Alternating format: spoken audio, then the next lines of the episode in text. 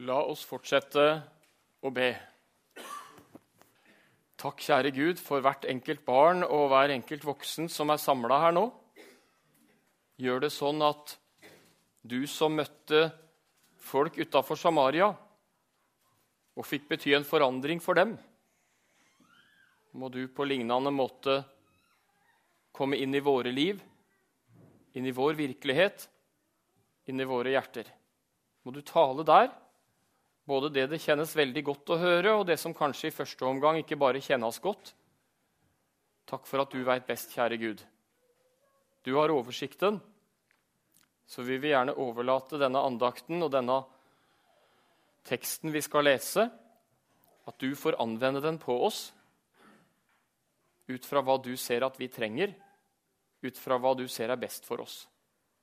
Herre, vi legger det i dine hender. Amen.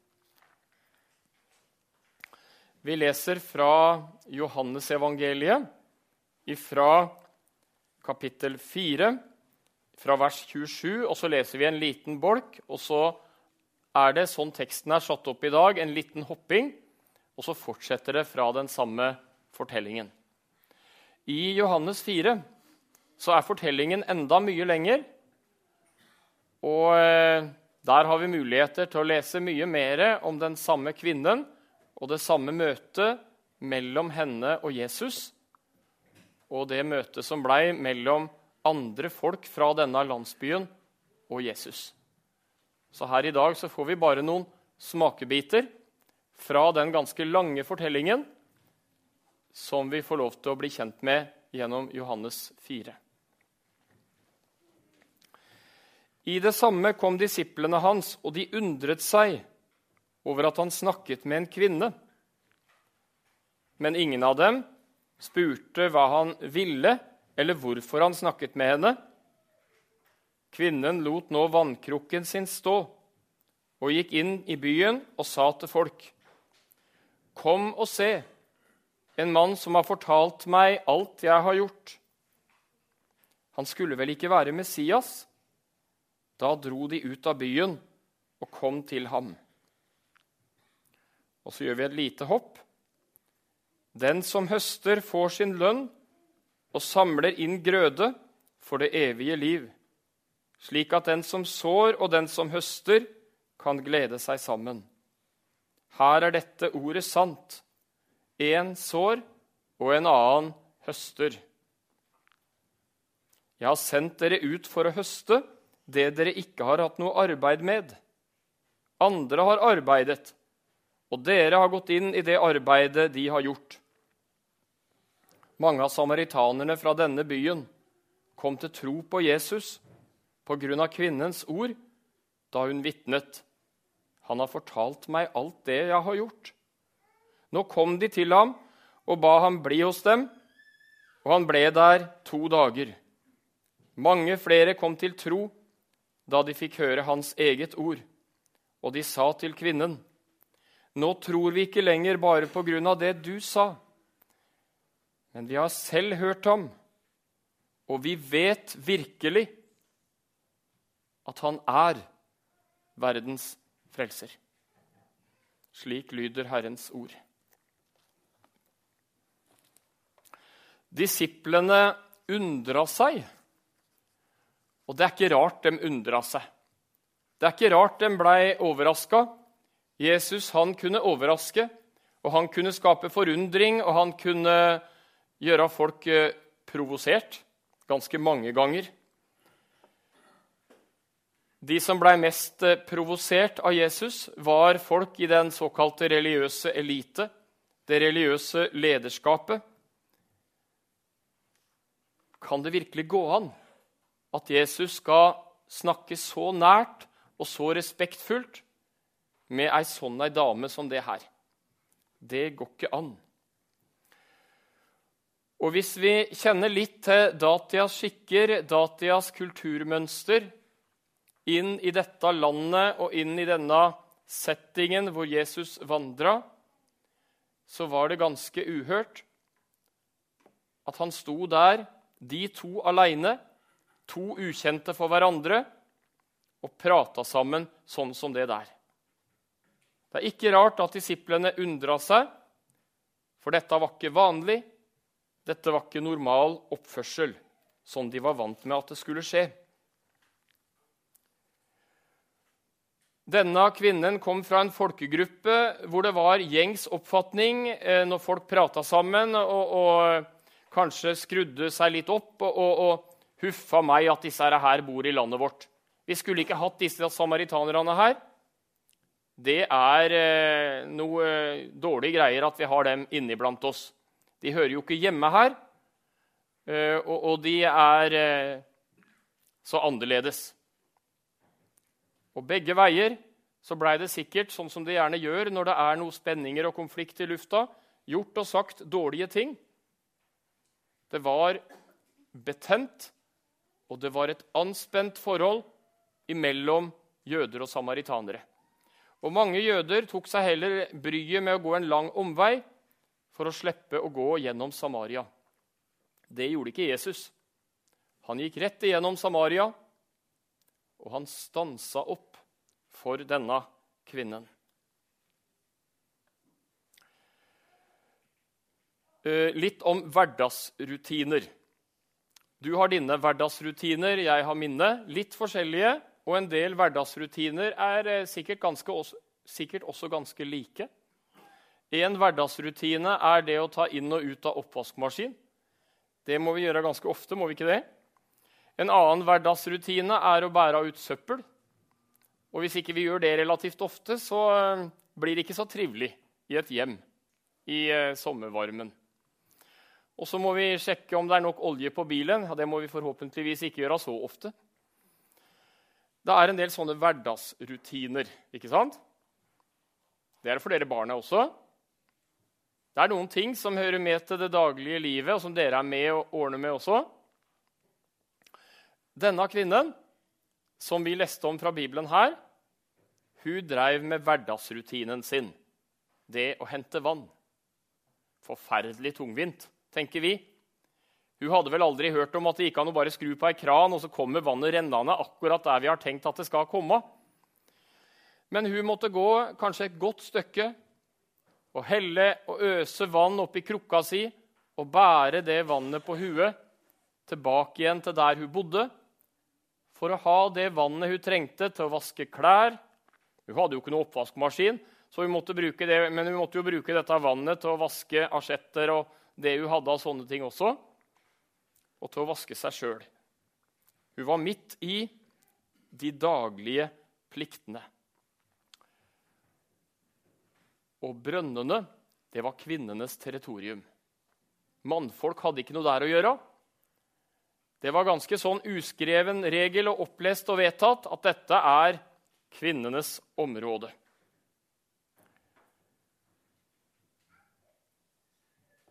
Og i tillegg så var brønnen en sosial funksjon. Der prata folk sammen. Det er kanskje litt av samme funksjon som syklubben. Eller litt av samme funksjon som lunsjpausa på jobben. Utveksle erfaringer, tanker, sette ord på noe som var litt trøblete, uttrykke Og det blei antageligvis utveksla sladder, sånn som det dessverre lett blir når mennesker møter hverandre. Der ved brønnen var et viktig møtested. Og litt av det samme har vi i våre bygder og byer også, har vi ikke det?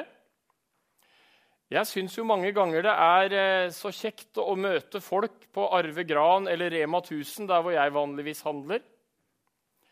Og den lille praten i forbifarta Vi har jo ofte begrensa tid, og eh, en skal jo ikke hefte folk heller ute. Det kan være folk som har det veldig travelt når de er og handler. Men den lille praten i forbifarta kan bety en del og kan gjøre godt. Og noen ganger så kan det bli en lang prat i dagligvarebutikken med kjente og ukjente og halvkjente. Så litt av den samme funksjonen som brønnen hadde i Samaria, har supermarkedene i vår tid. Og det er folk i 2016 Det er en del folk, faktisk, som gruer seg til å gå til supermarkedet. Og som nærmest har blitt eksperter på å tenke ut Hvordan kan jeg finne et tidspunkt hvor det er lite sannsynlig at jeg møter noen? Det kan være ulike ting, ulike greier, på mange plan som gjør at det er brysomt og vanskelig, det er smertefullt, det er krevende å møte noen halvkjente eller kjente. Helst vil jeg ikke møte noen. Og så blir noen, som jeg sa, eksperter på å finne tidspunkt hvor det er gode muligheter til å ikke møte andre enn den en er nødt til å møte, da, den der som sitter i kassa. Det er liksom vanskelig å komme utenom. Denne kvinnen som vi hører om i dag, tror jeg hadde blitt litt sånn ekspert på det der. Hun visste jo veldig godt at det var mye mer strev, det var mye mer slit og det var mye mer besvær å drive med dette tunge rutinearbeidet med å bære vann midt i den verste middelshavssola, når den steika på det mest intense. Og det skjønte jo alle de andre også. Og Derfor var det overveiende sannsynlig nå får jeg være aleine. Nå slipper jeg å møte ansikter. Nå slipper jeg blikka. Nå slipper jeg praten. Og Kan du se for deg hvordan det måtte vært? Kan dere barna se for dere det? Når du ser der litt lenger framme, der sitter det appåtil en mann. Og på toppen av det hele Han er jo fra det der folket som ser ned på oss. Han sitter ved brønnen. Den brønnen jeg må borte for å få tak i det vannet som det er viktig for meg å få tak i nå. For det trenger jeg. Hva skal jeg gjøre? Kanskje du hadde lyst til å bare løpe tilbake igjen med tom vannkroke, droppe hele vannhentinga. Latt angsten seire. Veldig fristende. Jeg tror det var det som var den mest nærliggende tanke. Å gjøre det. Men heldigvis hun går allikevel bort til brønnen. På tross av det skumle, på tross av at pulsen steig, og på tross av at hun blei enda mer svett enn det hun var fra før av å gå i solsteiken.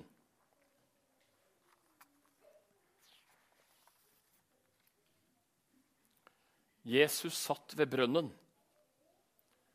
Jesus satt ved brønnen. Og så opplever hun et ansikt som er full av godhet.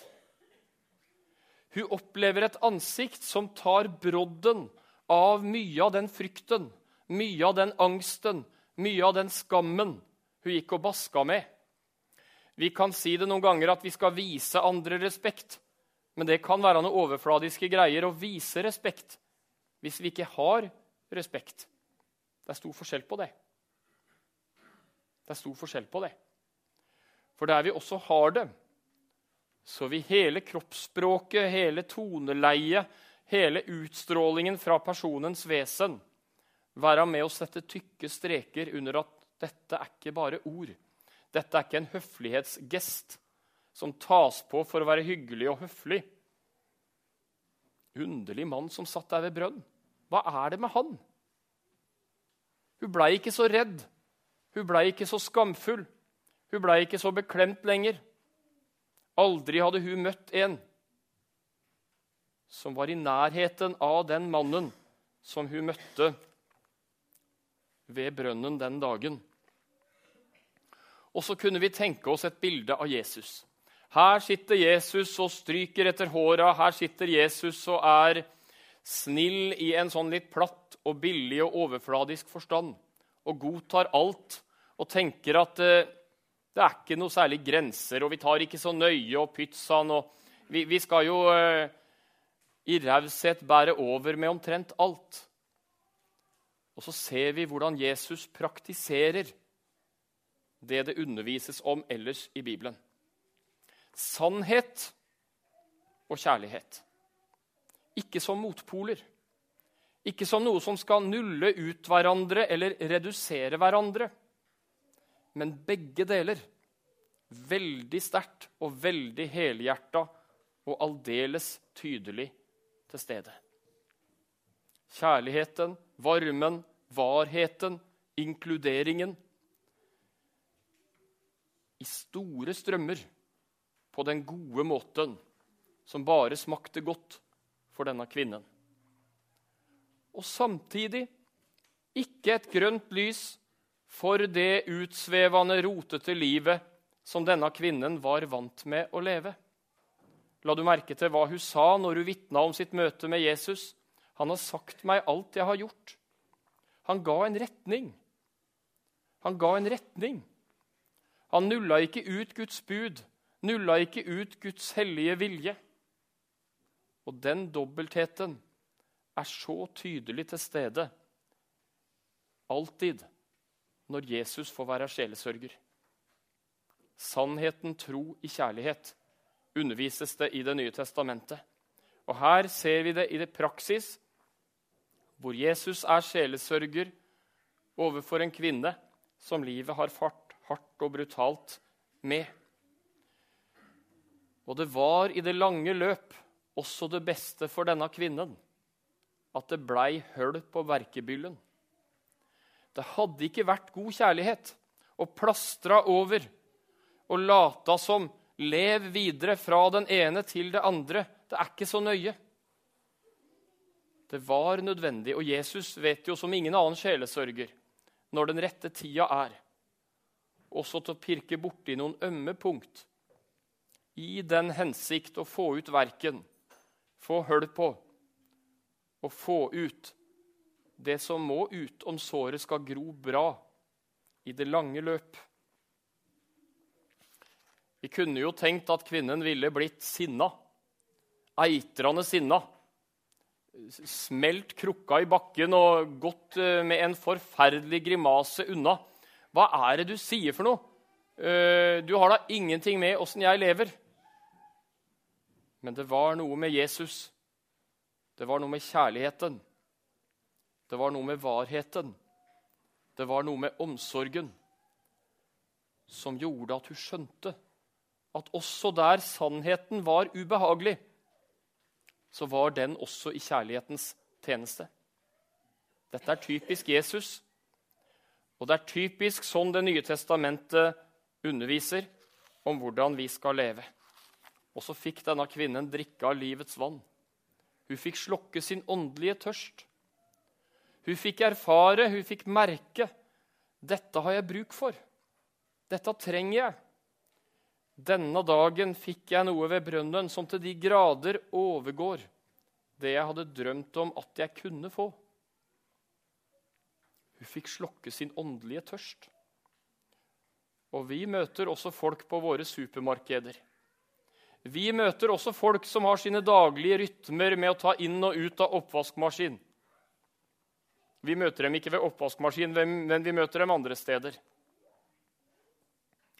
som har en tørst, enten de er klar over det eller ikke, som er avhengig av Jesus, som trenger Han, som trenger det levende vannet. Og jeg trenger å være i bønn, om i større grad å få være et gjenskinn av Han, som er opptatt av å bringe evangeliet videre, som er opptatt av mennesker. Levende opptatt av mennesker. Ikke bare oss som pleier å gå i kirken, men hvert et dyrebart menneske, hver en dyrebar ungdom som Gud har skapt. Dele det levende vannet. Dele det ut. Og la det slukke den dype tørsten som duger for evigheten. Det er viktig å ta ut av oppvaskmaskin. Det er viktig å hente vann. Men nå oppdaga denne kvinnen noe som var enda viktigere enn å hente det daglige vannet. Noe som var enda viktigere enn den daglige, rutinemessige plikten. Hun lot vannkrukka stå. Og noen ganger kaller Gud oss til å la noen daglige plikter få hvile litt.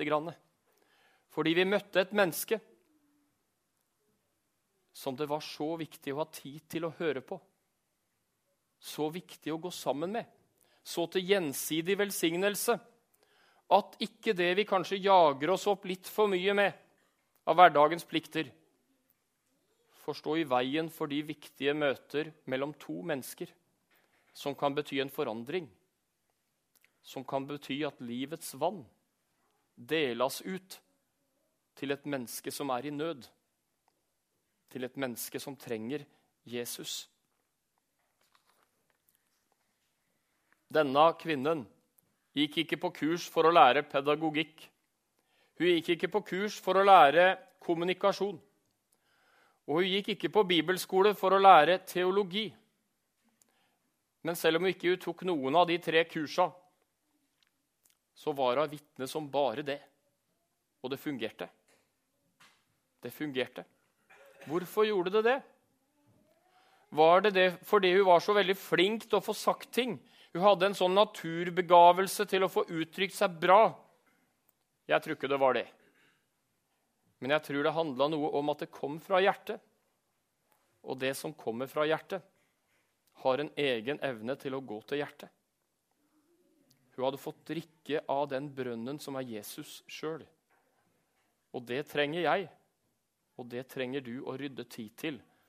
Midt i de daglige pliktene og midt i den daglige rytmen. Sjøl drikke av livets vann, sånn at hjertet får noe fra Jesus. Og det er jo det som kommer fra hjertet, som kan bli til liv rundt videre utover i våre nærområder. Og så har jeg lyst til å slutte med de nyomvendte i Samaria. For der var det folk som kom til tru. Der var det folk som sto langt ute i periferien i forhold til det å kjenne Jesus, som blei omvendt til Gud. Og de vitna. Nå tror vi ikke lenger bare på grunn av det du sa, men vi har sjøl sett det. Og vi vet at du er verdens frelser. Og der i Samaria så skjedde det sånn at i løpet av veldig kort tid så blei mennesker Jesus-troende. Noen ganger skjer det sånn. Noen ganger skjer det veldig brått. Jeg tror det oftere skjer som en sakte soloppgang, og at det er en modning over tid som gjør at Den hellige ånd gjennom ulike mennesker En har den nådegave, en har den nådegave. Det er en kollega, det skjer noe gjennom den kollegaen. Bitte lite hint eller et godt eksempel. Et ord gjennom en annen. Og så til sammen gjennom de ulike små puslespillbrikkene som er med å gi et bilde av Jesus til en kirkefremmed. Til sammen så er det med å få en soloppgang til å demre. Og noe av det samme store underet som skjedde i Samaria, skjer med mennesker i dag. Nå tror vi ikke lenger fordi du har vitna om det, men vi har sjøl sett, og vi vet, at du er verdens frelser.